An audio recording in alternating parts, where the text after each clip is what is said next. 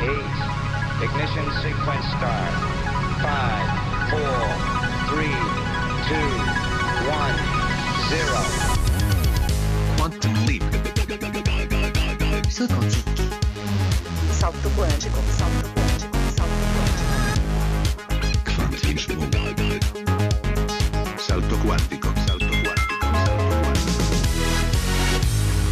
Kvanthopp, det du inte visste att du ville veta.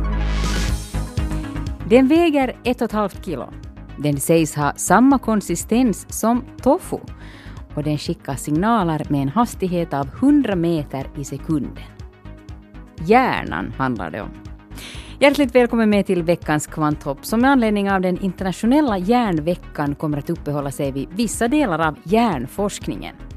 Vi ska återuppleva ett test som jag gjorde för några år sedan med hjärnforskningsmaskinen MEG. En apparat som finländska hjärnforskare är särskilt förtjusta i eftersom de har varit med och utvecklat tekniken. MEG-maskinen är en stor dyr apparat som man stoppar in huvudet i och som alltså mäter förändringar i hjärnans magnetfält. Ett fält som kan avläsas utanpå huvudet. Inom hjärnforskningen använder man maskinen till att följa med processer i hjärnan, till exempel då du ser en bild och informationen sen går vidare genom hjärnan. Så här berättar hjärnforskare Mia Liljeström. Om man tittar på en bild så då det här, går den här synsignalen först till, till det här i hjärnan då till syn, synområdet i, i hjär, hjärnbarken. Och då det här strömmar det in joner i de cellerna som finns där vid hjärnbarken och när det strömmar, en, strömmar el så skapas det ett magnetfält runt den här svaga strömmen. Och det är det magnetfältet som vi mäter. Så det är exakt samma fenomen som om det går en ström till exempel i en elledning. Då skapas det också ett magnetfält runt den här elledningen. Men de här magnetfälten som vi mäter är jätte, jättesmå. Och det här är alltså ett inslag ur Kvanthopps arkiv som vi ska höra idag.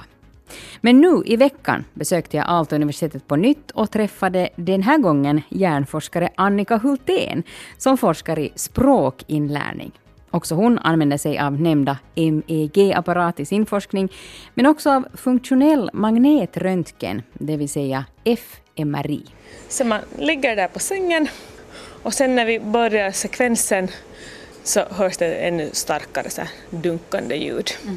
Så det här är alltså likadan som vanlig magnetröntgen? Ja, precis vanlig magnetröntgen.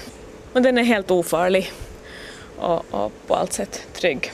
Det som det då är att, att man ska inte föra metall nära eller någonting magnetiskt för då suger det starka magnetfältet in metallföremålet in i mitten.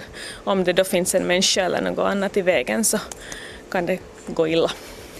Faktiskt så kan man om man har en gammal tatuering vars färg innehåller metall få en form av brännskada i en MRI-apparat eftersom den magnetiska kraften hela tiden försöker dra åt sig metallen. Med Annika Hultén ska vi prata både om den forskning som hon håller på med, nämligen hjärnans hantering av språk, och om det som allmänt sett är aktuellt inom hjärnforskningen just nu. I veckans program ska vi också lyssna på ett stycke av Mozart, som åtminstone i en italiensk undersökning i fjol fick deltagarnas hjärnor att på olika sätt kvickna till och visa på bättre resultat både gällande minne, förståelse och problemlösning. Och då jämförde man alltså med annan klassisk musik, Beethoven. Men just det här stycket av Mozart så var lite speciellt och vi ska lyssna på det.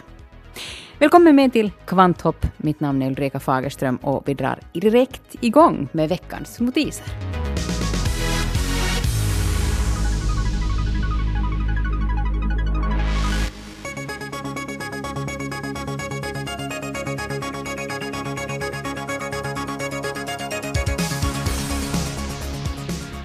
Ja, veckans notiser om vetenskap och teknik och vi börjar med en liten notis om vädret. Januari var globalt sett rekordvarm. Februari var globalt sett rekordvarm och nu ser vi fram emot semestrarna. Nå, alla är ju inte lika glada över värmen utan menar att det är oroväckande och ett tecken på en långsiktig uppvärmning av klimatet. Andra menar att mycket av rekordvärmen kan förklaras av ett starkt El Niño-fenomen just nu. Finns det liv på Mars? I veckan var det dags för ett nytt försök att ta reda på det. Då lyfte en rymdsond som europeiska ESA och ryska Roskosmos skickar upp tillsammans.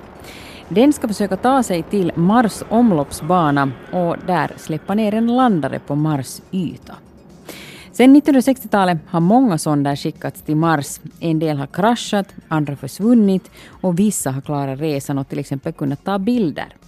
På de resorna har man hittat bevis för vatten på Mars, vilket kan betyda att där också har funnits liv, eller fortfarande finns. Sonden beräknas vara framme i oktober.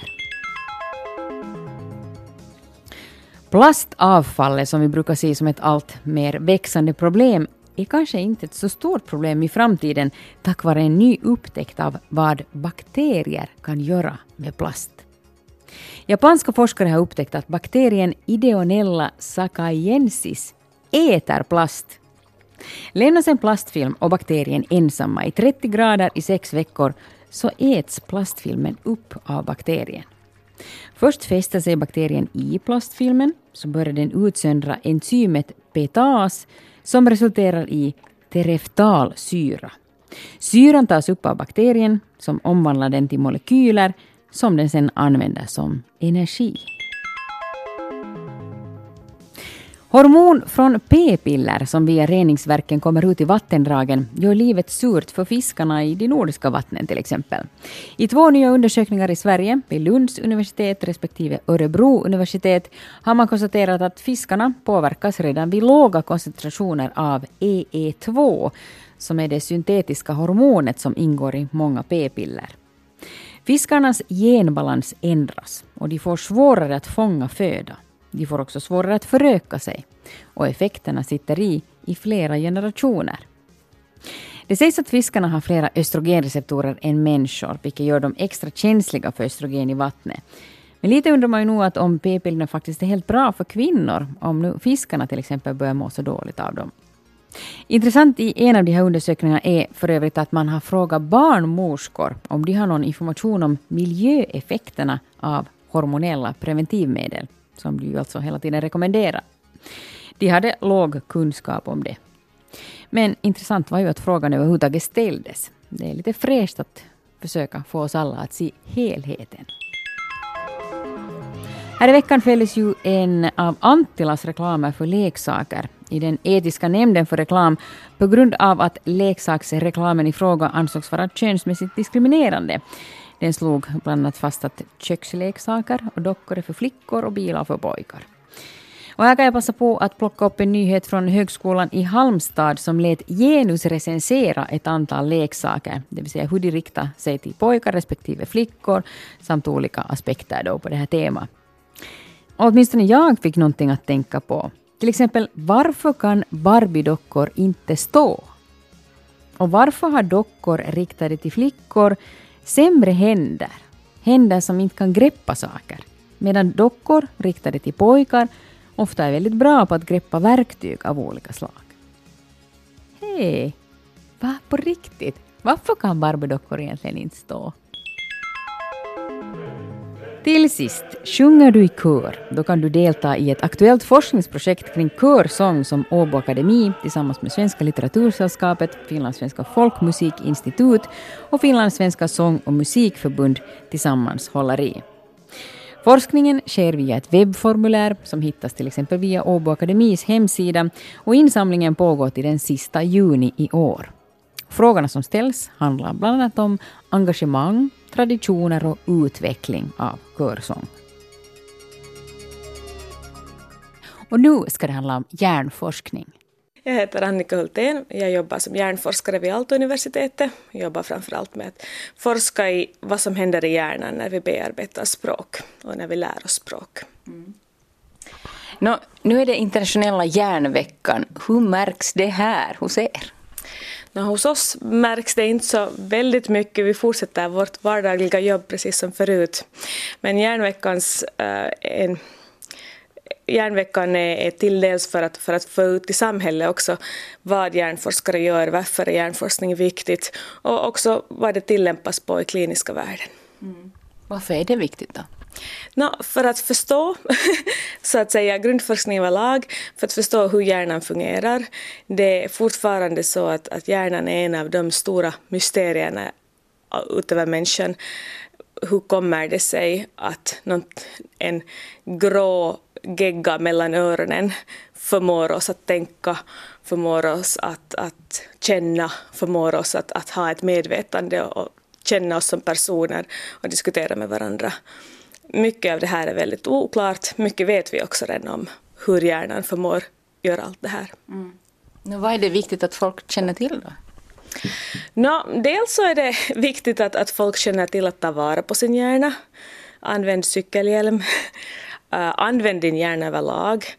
Aktivera den, både åldringar och unga. Och att, att det är en ofattbar tillgång för oss som vi har att vara hjärna. Vi ska inte under uppskatta vår hjärna. Den är ganska fantastisk egentligen. Och vi kan alla använda den på olika sätt för att få eh, det bästa ut av den, så att säga. Men att, som sagt, sen är det också att, att ta vara på den helt praktiskt, använda hjälm och, och använda rusningsmedel med måtta och så vidare. Hjärnforskare har speciellt tre tekniska grejer de förlitar sig på. MEG, fMRI samt EEG. Vi ska ta och diskutera dem lite närmare fMRI, det vill säga funktionell magnetröntgen, det är som magnetröntgenapparaterna på sjukhusen. Men den här tar en slags film, inte bara ett foto. Och på det viset ser man bättre en process i hjärnan. fMRI, det vill säga funktionell MRI, den ger oss millimeters resolution på var i hjärnan någonting händer. Och MEG och EEG ger oss millisekunds resolution på när någonting händer. Och MEG skiljer sig från EEG på det sättet att den har lite bättre eh, spatial resolution, det vill säga det är lättare för oss att räkna ut var i hjärnan den elektriska aktiviteten eh, som MEG mäter var den, var den uppstår än vad det är med EEG. Och det beror på det att MEG mäter magnetfält och EEG mäter elektriska fält, men elektriska fält blir förvrängda av hud och hår och skallben och allt som finns mellan våra sensorer och hjärnan, medan magnetfält inte blir det. Och för oss hjärnforskare, som, i synnerhet när jag forskar i språk, så vill jag helst inte skära upp någons hjärna, utan jag vill mäta helt friska människor utan att behöva ta till kniven eller något annat. Och det är viktigt dels för att ja, det är trevligare att jobba så och det är lättare att hitta försökspersoner. När man, så det är viktigt så att säga, det är non-invasiv och helt smärtfritt. Och därför vill vi ju ändå ha en bra signal, därför är det lättare att mäta magnetfält då än vad det är att mäta, eller mäta, att mäta elektriska fält är lika lätt som magnetfält men men det är då lättare att, att räkna tillbaka att varifrån är härstammar det. Mm. Det är lite hjärnjumpa det här också att hänga med i det här MRI och fMRI och EEG och MEG. Det blir mycket förkortningar. Det blir mycket förkortningar och det är mycket magnetsaker här. Eh, det som är kanske roligt är att, att där som MRI, det vill säga magnettomografi, eh, där så, så har vi ett jättestarkt magnetfält. I sjukhus är det ofta kring 1,5 Tesla, här hos oss på Aalto universitet har vi en 3 Teslas maskin. Det finns ännu större äh, fältsmaskiner och de ger, desto starkare fält vi har desto noggrannare bild får vi från hjärnan. Och då sätter vi in personen i det starka magnetfältet för att se hur hemoglobinet, det vill säga blodet, flödar där inne. Medan i MEG så är det tvärtom. Där har vi ett rum som är helt isolerat från utomstående magnetfält och försöker bara mäta de små, små magnetfält som kommer från hjärnan. Så, um, det vill säga, de, de är av styrkan 10 uh, eh, upphöjt till minus 13, det vill säga 13 nollor och sen kommer det storleksgraden på de magnetfält uh, som vi mäter med MEG jämfört med 3 Tesla som vi har i fMRI. Mm. Jag var ju och testade den här tekniken här hos er för några år sedan. Precis. Gjorde ett reportage och vi ska ta och lyssna på det nu. Är, det, är allting fortfarande så som det var för fyra år sedan? No, på, grundprincipen har ju inte förändrats på något sätt. Samma sak mäter vi och, och vi har uppdaterat vårt software lite och annat. Men grundprincipen är precis densamma. Det som däremot kanske lite har förändrats är att, att nu har vi börjat mer och mer titta också på individuella skillnader. Vi vet redan ganska mycket om hur hjärnan bearbetar till exempel språk på gruppnivå, men nu är vi intresserade av vad händer det på individnivå, varför är vi ändå olika? Hur kommer det sig att när jag säger stol så tänker jag kanske på en lite annan stol än när du säger stol. Jag kanske tänker på en kontorsstol och du tänker kanske på en fåtölj eller något sånt. Beroende på kontexten och beroende på mina egna personliga erfarenheter och annat. Men det är också hur hjärnan blir också så att säga omkopplad baserat på den personliga historien och också på grund av vilka genetiska belägg vi har som har utvecklats helt fysiologin i hjärnan. Mm.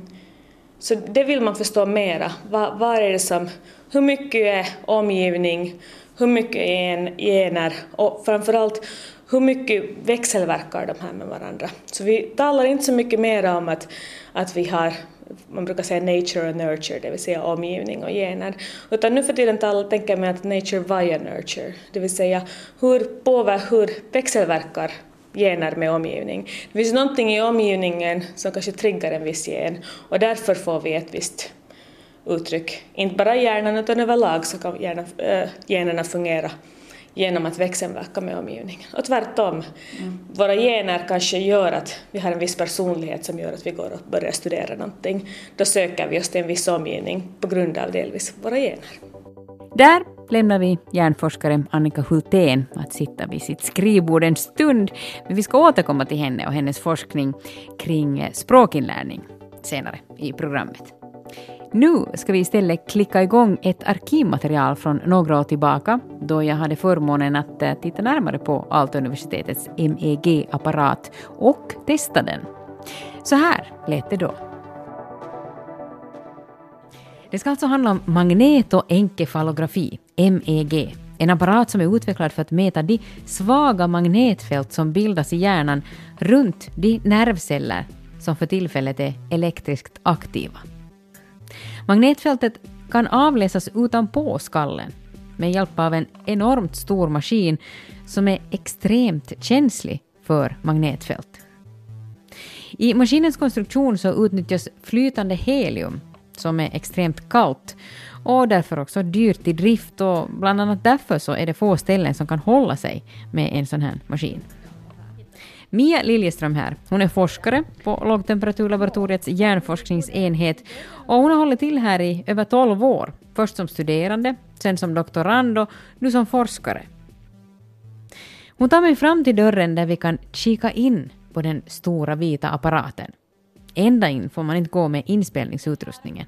Inget magnetiskt in i rummet, Nej. för att de är jättekänsliga de här sensorerna. Ja. Så att, att de, de blir vilda om man går dit med någonting någonting liksom magnetiskt. Ja. Sen tar det en stund för dem sen att, att, att lugna ner sig. Och det mesta så, är magnetiskt? Det liksom. mesta är magnetiskt. Allt, allt som är av metall eller som det går någon ström i så, så det genererar ett, ett magnetfält. Men det där vi kan bra stå, stå här ett stycke utanför och titta lite in. Ja, ja. Okay. Det här är vårt magnetiskt skyddade rum. Eftersom det här är så pass känslig mätapparatur så behöver vi ha ett sånt här det här isolerat rum här som tar bort alla magnetstörningar från omgivningen, från, från eh, elkablar och, och från trafik och allt möjligt sånt här. Just det, ja. maskinen och, och maskinen här är, är det här, eh, består av en stol som försökspersonen sitter i och sen får man ha huvudet inne i en sån här eh, hjälmformad eh, grej. Det ser ut som en jättetvättmaskin som man ska lägga huvudet in. Den ser ut som en tvättmaskin eller kaffekokare eller sån här. Och, det där. och inne här i den här stora behållaren så finns det flytande helium. Därför att eh, i och med att det är så pass små magnetfält som vi mäter så behöver vi sådana supraledande mätare och de behöver vara inne i flytande helium för att få de här supraledande egenskaperna.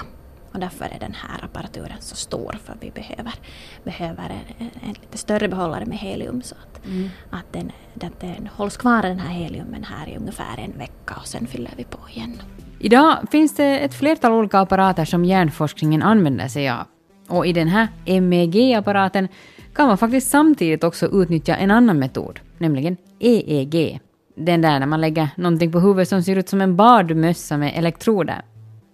Och medan MEG står för magnetoenkefalografi så står EEG för Elektroenkefalografi. Och då mäter MEG mäter magnetfältet och EEG mäter det här samma, samma elfältet som uppstår. Men tillbaka till magnetfältet. En helt vanlig torsdag kan det se ut ungefär så här i din hjärna. Om man tittar på en bild så då det här, går den här synsignalen först till, till det här i hjärnan då till syn, synområdet i, i hjär, hjärnbarken. Och då det här strömmar det in joner i de cellerna som finns där vid hjärnbarken och när det strömmar, en, strömmar el så skapas det ett magnetfält runt den här svaga strömmen. Och det är det magnetfältet som vi mäter. Så det är exakt samma fenomen som om det går en ström till exempel i en elledning. Då skapas det också ett magnetfält runt den här elledningen. Men de här magnetfälten som vi mäter är jätte, jättesmå. Och det här, eftersom det är så pass små, små signaler så behövs det jättemånga nervceller som på en gång är aktiva. Att, att man kan tänka sig att kanske en 10 000 celler som samtidigt är aktiva. Så då får vi en signal som vi kan mäta utanför huvudet. Okej, man tittar på en bild av någonting och så aktiveras hjärnceller i olika områden av hjärnan och elektrisk alltså aktivitet uppstår där. Och kring den aktiviteten magnetfält. Som kan avläsas med den här apparaten. Och sen då? Vad kan man göra med det? MEG används ju för tillfället mest till grundforskning. Det är dyra apparaturer, det finns, finns inte på så jättemånga ställen i världen. Så det är mest sådana forskningsenheter som använder det. Och då undersöker vi allt om hur, hur, hur hjärnan bearbetar olika eh, ljud eller olika saker som man ser eller språk. Eller sånt. Att, det, att det kliniker så kan man tänka sig att då kanske epilepsi för det här undersökningar skulle vara sådana som man skulle kunna göra, göra med MEG. Men mest är det liksom grundforskning om att hur fungerar hjärnan, vad händer när vi ser någonting, när vi gör någonting. Och då det här, just det att vi kan också mäta att när händer det. Nå, här gör vi ju mest då alltså grundforskning på friska personer, vuxna men också på barn. Att, till exempel hur barn lär sig läsa och och sånt här kan vi, kan vi lite undersöka. Och det här äh, sen äh, med patienter så kanske man då skulle kunna undersöka till exempel afasipatienter som har problem med, med att producera tal och försöka få just en sån här liksom grundläggande förståelse att vad är det som är problemet. För det saknas ännu mycket kunskap om, om sånt. Nåja, nu ska jag få testa på hur det känns. Ja, alltså det lär inte kännas alls på det viset. Maskinen påverkar inte hjärnan utan avläser bara naturlig aktivitet. Men jag ska få en känsla för hur undersökningar brukar gå till. Sitta i stolen, klämma in huvudet i kaffekokaren och sen räkna upp vilka tecknade bilder jag ser på skärmen framför mig. Var och hur syns då hjärnbilden? De, de ser vi sen på, på dator, datorskärmen och då ser vi ju inte liksom en bild av hjärnan som så, utan vi ser de här tids, tidsbundna signalerna, hur de fluktuerar. Mm. Så, så det här, då kommer vi att se, se en, en kurva som, som sen brant stiger upp vid de tidspunkterna som då det här det händer sån här informationsbearbetning i hjärnan. Mia plockar fram programvaran på laboratoriets dator. Ja, det här är alltså bildbenämning. Mm. Här, här där det här, då visas det på, på skärmen olika bilder och sen får personen säga vad det är. Mm. Jag kan som sagt inte banda det här eftersom ingen apparatur får föras in i rummet. Jag kan inte ens ha mina metallglasögon på mig utan får ett par plast och så får jag byta till joggingbyxor istället för jeans som jag har metall i sig.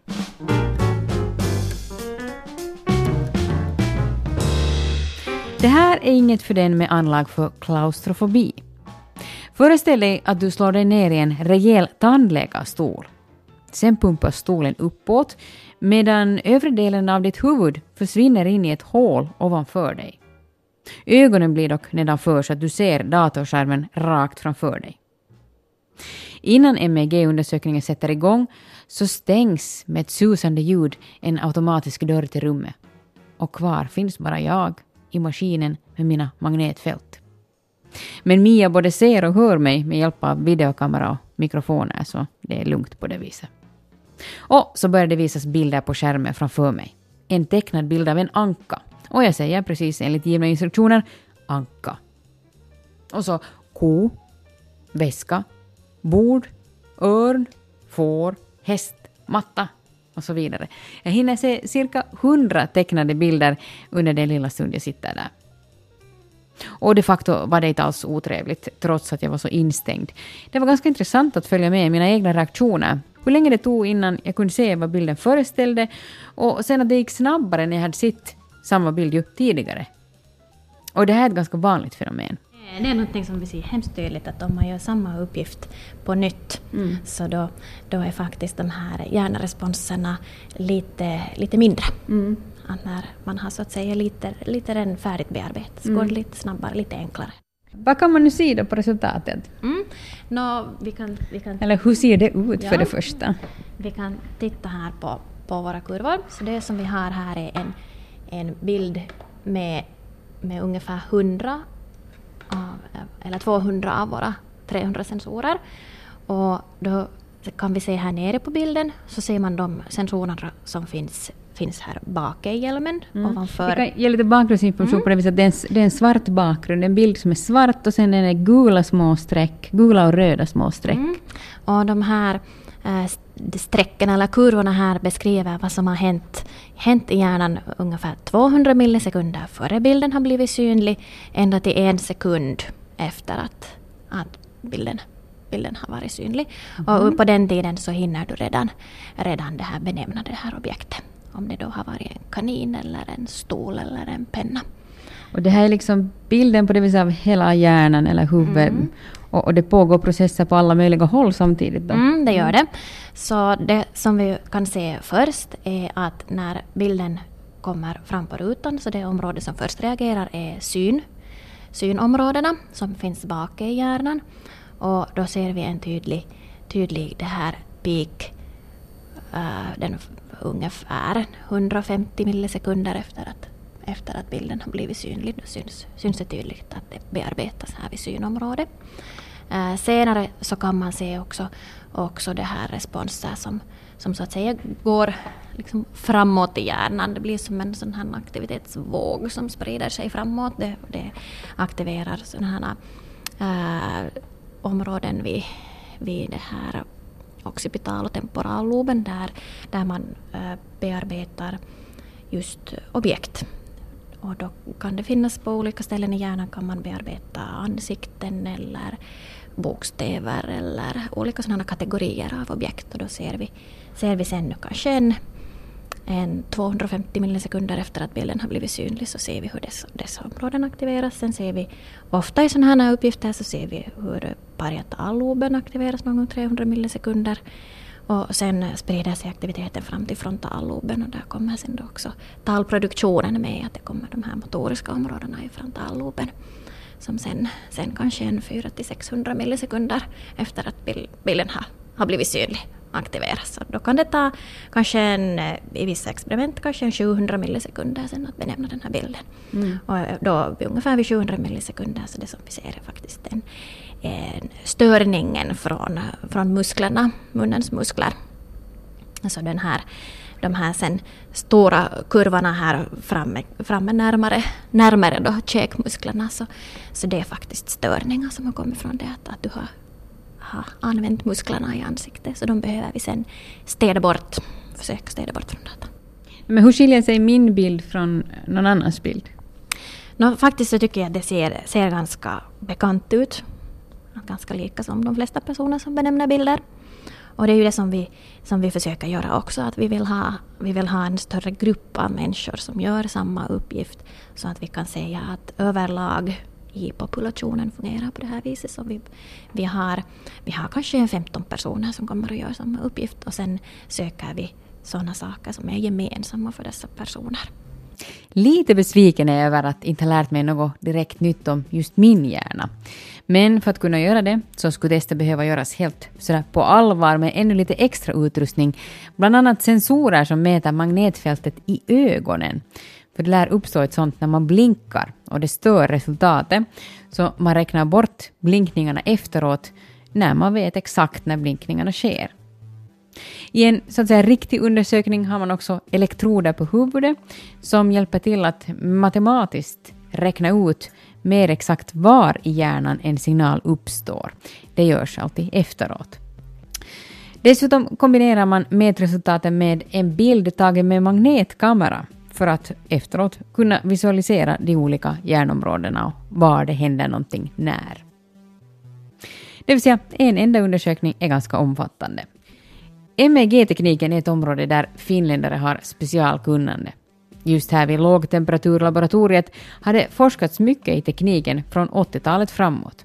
Och hjärnforskningsenhetens ledare, professor Rita Harri, hör till de mest framstående MEG-experterna i världen.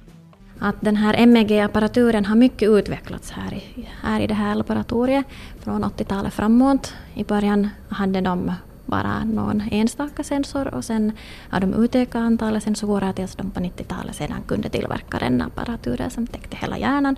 Och sen har det blivit ett, ett, ett spin-off-företag som numera faktiskt tillverkar de enda MEG-apparaturerna i världen. Okay. Så det här är, är mycket finsk teknologi som har, som har utvecklats och exporteras.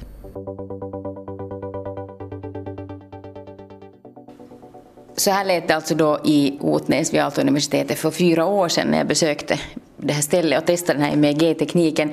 Eh, du har också hört det här inslaget här nu på förhand. Allting är ungefär så där som det var då, förutom att man nu tittar mer till enskilda människor. Berätta om det. Ja, nu är vi, eh, är vi intresserade som sagt av också av individuella skillnader. Det vill säga varför är vi olika som individer? Hur kommer det sig att vi tänker på lite olika sätt? Eh, och de mest, själv, eller, de mest självklara orsakerna till varför vi är olika är generna och omgivningen. Och vi har börjat kombinera hjärnforskningen mycket med genetik också på sistone tiden. Och det är ganska nytt och spännande. Och det är väldigt mycket vi ännu inte förstår om hur eh, generna påverkar hur omgivningen påverkar och framförallt hur generna och omgivningen växelverkar och talar med varandra. Båda påverkar varandra. Men hur, om vi tänker på den här MEG-tekniken ja. då, hur, hur liksom tar ni ställning till vilken skillnad generna gör i den här forskningen? No, ett projekt som jag håller på med just nu är att undersöka hur vi lär oss språk och varför vissa lär sig bättre språk än andra. Och då tittar jag helt på, på auditiva cortex, det vill säga eh, den del av hjärnbarken som reagerar först när vi hör ett språk. Och varför kommer det sig att, att vissa lär sig att uppfatta ljud på ett främmande språk snabbare eller bättre än andra? Om vi tänker till exempel då på svenskan har vi i, u och y och vi hör skillnader på de här tre vokalerna utan några problem. Men många enspråkigt finska har problem framförallt med u. Det blir antingen i eller y och det är jul och andra, det är liksom de har svårt att uttala det och de hör inte skillnaden heller. Och det beror på att det auditiva cortex, det vill säga hjärnbarken, formas av vårt modersmål genast när vi föds. Och när vi har nått en viss nivå så är det mera och mera statiskt, det är svårt att omforma det. Men en viss plasticitet, det vill säga formbarhet, finns kvar. Och den här plasticiteten är individuellt varierande den, som man ännu som vuxen kan ha. Och det är det jag tittar nu på. Finns det gener som beskriver varför vissa människor fortfarande som vuxna har förmågan att lära sig att uppfatta till exempel en vokalkontrast som inte finns i deras modersmål? Och, eller är det saker i omgivningen som gör är vissa människor bara mer motiverade, koncentrerar sig på den här skillnaden och tränar och tränar och tränar? Eller har de lärt sig många andra språk och därför blivit bättre, de har så att säga mycket vana av att lära sig främmande språk och därför är de bättre. Så här har vi liksom omgivningsfaktorer och genetiska faktorer som kan förklara hur en viss språkinlärningsförmåga här. Och då tittar jag direkt med hjälp av MEG på auditiva cortex på signalen där och hur mycket av signalen kan förklaras med dels gener och dels med omgivningsfaktorer. Det ska bli mer här i Kvanthopp i Radio Vega om den språkforskning hjärnforskare Annika Hultén vid Aalto-universitetet sysslar med. Efter The Beatles, Think for yourself. Det, jag forskar med diverse projekt som alla har att göra med språk och hur vi bearbetar språk i hjärnan. Så dels har jag några projekt som angår språkinlärning, men sen har jag också ett projekt just nu som jag forskar i hur meningar bearbetas i hjärnan och hur betydelser är representerade i hjärnan. Och här har vi också individuella skillnader. För vi tänker samma ord, även om vi använder det eh, i en diskussion så att vi förstår det, så har vi smått uh, skilda representationer om dels var det är representerat i hjärnan och dels vad det betyder för oss. Och det beror på, antar vi åtminstone just nu, på att vi har ändå en, en helt unik personlig historia och erfarenhet av det här begreppet i det här fallet. Vad är det som fascinerar dig med den här hjärnan och språkinlärning? Språkinlärning eh, och hjärnan, det, det fångar dels vår de här enorma resurserna som vi har i hjärnan och hur formbar hjärnan är fortfarande i vuxen ålder. Det är aldrig för sent att lära sig någonting nytt. Och det är roligt att, att, att forska i och se vad det är för faktorer som påverkar de skillnader som ändå finns mellan oss i vår inlärningsförmåga. Men, men det som jag har visat i tidigare forskning är att, att även vuxna kan lära sig språk som eh, på en bra nivå och att när man lär sig som vuxen ett språk så bearbetas det på hjärnan precis på samma sätt som modersmålet, även om man bara just har lärt sig det. Så det finns ingen kvalitetsskillnad på det sättet i hjärnan, att hjärnan skulle bearbeta ett nytt främmande språk till exempel med andra hjärnområden. Utan det är mera i, i man sätter mera uh, resurser på det. Det, kräver lite mer, man blir lite mer trött och man måste anstränga sig lite för att använda nytt språk. Men kvalitetsmässigt är det samma områden och samma nervceller som bearbetar det nya språket precis som modersmålet. Det tycker jag är ganska fascinerande. När vi talar om språkinlärning så har det ju på sätt och vis kommit in ett nytt koncept när det finns till exempel det här att lära sig språk via webben. Mm. Jag har själv nu föresatt mig till exempel, jag har inte riktigt börjat ännu men jag ska börja läsa italienska på det sättet för ja. jag har testat det och det verkar ganska fiffigt faktiskt och sådär. Mm. Och då är det på sätt och vis kanske lite annorlunda språkinlärning än det där riktigt traditionella. Liksom det som du nämnde, hur barn lär sig och det som mm. hur vuxna lär sig sådär på timmen. Så det är liksom lite ändå en ny form med både ljud och visuellt och rörelse och sånt här. Är det någonting som ni har tagit ställning till i er forskning? No, det kommer. Det också, jag har inte specifikt själv forskat i, i hur olika inlärningsmetoder påverkar. Det som överlag kan man kan säga som sagt att slutresultatet är inte väldigt beroende på hur man lärde sig. Eh, det har mer att göra med, med kanske delvis ålder, vilken aspekt av språket man lär sig. Barn har lättare att lära sig uttal, men om vi bara tittar på att lära sig vokabulär eller grammatik så finns det ingen skillnad mellan barn och vuxna och där igen metoden hur man lär sig har inte. Inlärningsstrategier verkar vara något, något av en myt, så det finns inte vissa sätt som är passa, mera passande för andra än för andra. Man behöver inte skräddarsy undervisningen enligt, på det sättet, eh, enligt de här att vissa skulle vara visuella eller auditiva. Det verkar inte stämma. Men det som däremot... Ursäkta, verkar inte alls stämma att Nej. folk är auditiva eller visuella? Nej. Äh, det, det finns, dels så har det inte visat sig att det finns ett test som väldigt pålitligt kan bestämma vem som är auditiv och vem som är visuell. Och även om man använder de här testerna så, och sätter en grupp som så att säga är auditiv och lär sig på ett visuellt sätt så är deras slutresultat lika bra som om de skulle ha lärt sig auditivt. Så viss, även om folk upplever att de föredrar en viss stil så verkar det inte påverka slutresultatet. Mm. Men däremot vad det påverkar, det som är viktigt är motivationen. Och där om man upplever att man är auditiv och sen blir tvingad i en visuell grupp eller vis, då påverkar det motivationen. Och, och samma sak när du frågar om att lära sig på webben, så är den här motivationen av yttersta vikt. Så det, motivationen är så att säga det finns två saker i språkinlärning som jag vill framhäva. Det ena är motivation och den andra är repetition. Men om vi nu håller oss till, till motivationen. Eh, I början med de här webbaserade språkkurserna så var det svårt att motivera för man satt ensam framför datorn och fanns, ingen fanns inte så mycket social interaktion med andra åtminstone. Nu har de här inlärningsprogrammen också utvecklats, tagit det här i beaktande, man kan chatta med andra kursdeltagare och, och det blir bättre. Så att, och sen är ju folk som sagt individer, vissa blir väldigt motiverade att sitta och plugga på egen hand, men de flesta behöver social interaktion för att bli motiverade och motivation är väldigt viktigt. Så, och, men det gäller också om man sitter på en arbetskurs och lär sig språk, att ha den där motivationen.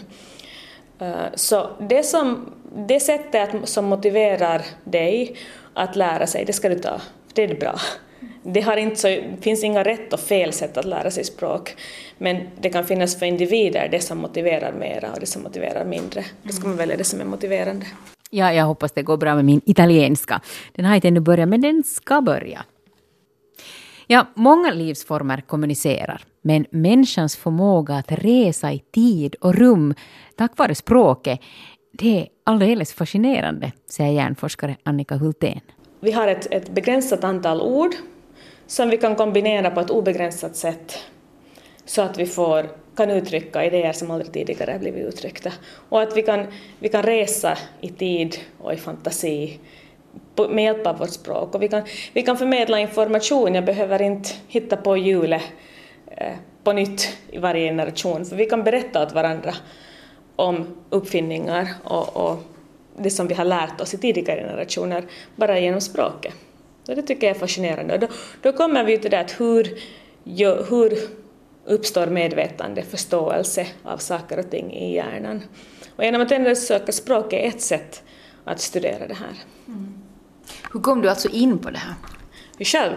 Eh, jag är ursprungligen psykolog och jag blev intresserad av, av neuropsykologi och, och hur hjärnsjukdomar och stroke och hjärnskador eh, påverkar beteende. Och så småningom kom jag in och också blev intresserad av, av språket och hur det språkliga eh, uttrycks i hjärnan och framförallt också i friska hjärnor, inte bara sjuka hjärnor eller patienter. Mm. Tekniken som nu används inom hjärnforskningen blir efterhand mer avancerad.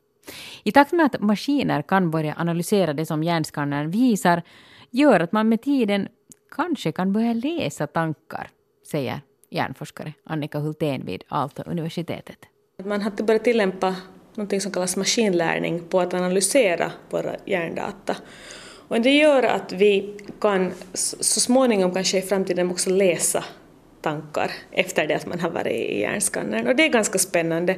Det är inte ett självändamål att, att läsa tankar i sig, utan det berättar åt oss också hur hjärnan fungerar genom att istället eh, för att, att liksom observera hur hjärnan fungerar och försöka tillskriva funktioner efteråt, så har vi en modell nu av funktionen och testar dem och ser om de lyckas förklara data. Och om de gör det genom våra maskinlärningsalgoritmer, då kan vi säga att okej, okay, vår hypotes var, var riktig. Eh, men i praktiken så, så, betyder det att, att jag kan till exempel visa åt dig bilder i, under en hjärnskanning. Eh, och genom att titta på den hjärnaktiveringen som sker när du benämner bilder så kan jag säga om du såg en anka eller en bil. Och I framtiden så vet man inte riktigt hur långt det här allt kan gå. Vi, vi kan alltså lära oss, kanske i framtiden, att kan, vi kan sätta fast några elektroner på, på hjärnan och koppla upp det till mobiltelefon och styra våra mobiltelefoner med hjälp av tankar, därför för att våra algoritmer vet vad du tänker på. Och på det sättet kan du styra maskiner till exempel. Det har en klinisk tillämpning på, på patienter som är helt förlamade. De kan nu studera, eh, styra hjälp, eh, eh, maskiner eller datorer, kommunicera via de här sätten. Det är fortfarande så att, att vi är ganska tidigt. De här patienterna som använder sig av det här, de måste lära sig att tänka på ett visst sätt. Uh, till exempel uh, tänker de sig att de använder, spelar tennis och då får de en mus att röra sig på, på skärmen och så kan de kanske skicka ett e-mail. Så de tänker inte på innehållet i e-mailet som man skickar utan de tänker på en viss motorisk rörelse. Men Ja, men i framtiden så går det säkert att vi kan hoppa över de här att man inte behöver träna så mycket på att kontrollera maskinen utan det går mer automatiskt. Men det här har gjorts här i Finland? Jag är inte helt säker på om det har gjorts i Finland. Det har gjorts åtminstone i Holland och det finns ute i världen. Jag tror nog att det tillämpas i Finland. Mm. Det finns patienter som redan använder det. Men det är ganska på provnivå ännu nog. Dock. Och det, som sagt, det tar väldigt mycket tid. Det är inte väldigt många patienter det heller berör, som tur Vi har inte så väldigt många eh, patienter som är helt förlamade som inte har något annat sätt att kontrollera sin omgivning med. Men för de här patienterna det berör det ju en väldigt stor sak. Och som sagt, det går hela tiden framåt och vi lär oss mera och mera uh, hur vi kan göra det lättare och lättare. Så det har en klar klinisk applikation och så småningom det kanske kom, kommer det kanske nästa tio år också till allmänna marknaden. Det finns en hel del etiska saker man måste tänka på när de här forskningarna görs och därför är den här branschen väldigt skarpt etiskt kontrollerad genom etiska uh, nämnder och annat som styr vad vi gör och hur det tillämpas. Hur skulle det till exempel kunna missbrukas? No, det är ju inte, tycker jag, okej att man läser en annan människas tankar utan dess lov. Så länge det bara handlar om ordet anka så är det helt okej. ja, no, för det första, än så länge kan vi ju inte göra det på avstånd utan det, man måste komma och ligga i en skanner eller kopplas upp elektroder. Så. Det är inte helt i smyg? Det är inte i smyg. men, men att, och vi har inga hjärnskanningsapparater som man kan använda i smyg. Eh, så det är viktigt att, att komma ihåg. Men att, att det måste alltid ske på personens eget medlåtande och just att vi vet vad vi läser. Vi kan inte läsa vad du drömde om i natt utan det bara, jag måste ha ett alternativ, var det anka eller bil? Då kan jag säga att det var anka. Uh, så det är ganska snällt fortfarande. Uh, men att, att man vet aldrig vart framtiden går och därför är det viktigt att tänka på dem i förtid. Mm. Jag vet att USAs armé utvecklar hjälmar där soldater kan kommunicera med varandra genom tankar, genom att tänka på ett visst sätt samma idé som med de här patienterna, det vill säga de här soldaterna tränas att tänka till exempel på tennis och då, då, hörd, då skickas en signal till grannsoldaten som betyder en överenskommelse, på förhand. Eh, och sen används det också i, i för att ut, eh, det som jag tycker själv börjar vara lite etiskt suspekt är om man utvärderar reklamer, hur, hur väl fungerar en reklam till exempel på basen av, av, av hjärnaktiveringen. Så alltså hjärnforskare Annika Hultén vid Aalto-universitetet. Tack till henne. Nu har det blivit dags att avsluta veckans program. Ulrika Fagerström heter jag och nästa vecka hör du igen Markus Rosenlund här. Men någonting har vi ännu kvar, nämligen Mozarts stycke som jag utlovade i början och som i en undersökning i fjol visade sig vara så aktiverande för hjärnan.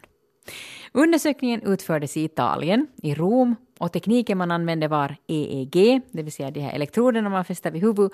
30 personer undersöktes och de fick lyssna på Mozart respektive Beethoven. Och det här stycket, L'Allegro con spirito av Mozart, visade sig ge ökad hjärnaktivitet på områden som styr minne, förståelse och problemlösning. Beethovens Fyrelis, den gav inte alls samma aktivering. Och forskarna tänkte då att det faktiskt är så att det är Mozarts musik som gör någonting alldeles extra. Tidigare undersökningar har ju pekat i samma riktning. En mycket refererad undersökning för över 20 år sedan talar om att man blir smartare om man lyssnar på Mozarts musik, även om nu alla inte riktigt trodde på de resultaten. Hur som helst, jag tänkte att jag spelar det här stycket av Mozart och så ser du om du blev lite uppiggad eller inte. Skada kan det väl åtminstone inte. Ha det så bra, kvanthopp igen om en vecka. Men för att kunna höra det stycket så behöver du lyssna på Kvanthopps version med musik som du hittar på arenan.yle.fi. Nu kanske du är utomlands så då kan du inte lyssna på den, för det går inte. Men då hittar du här samma Mozart-stycke nog på Youtube. Så är just. Tack till dig också för att du lyssnar på den här podcasten. Och ha en bra dag. Hej då!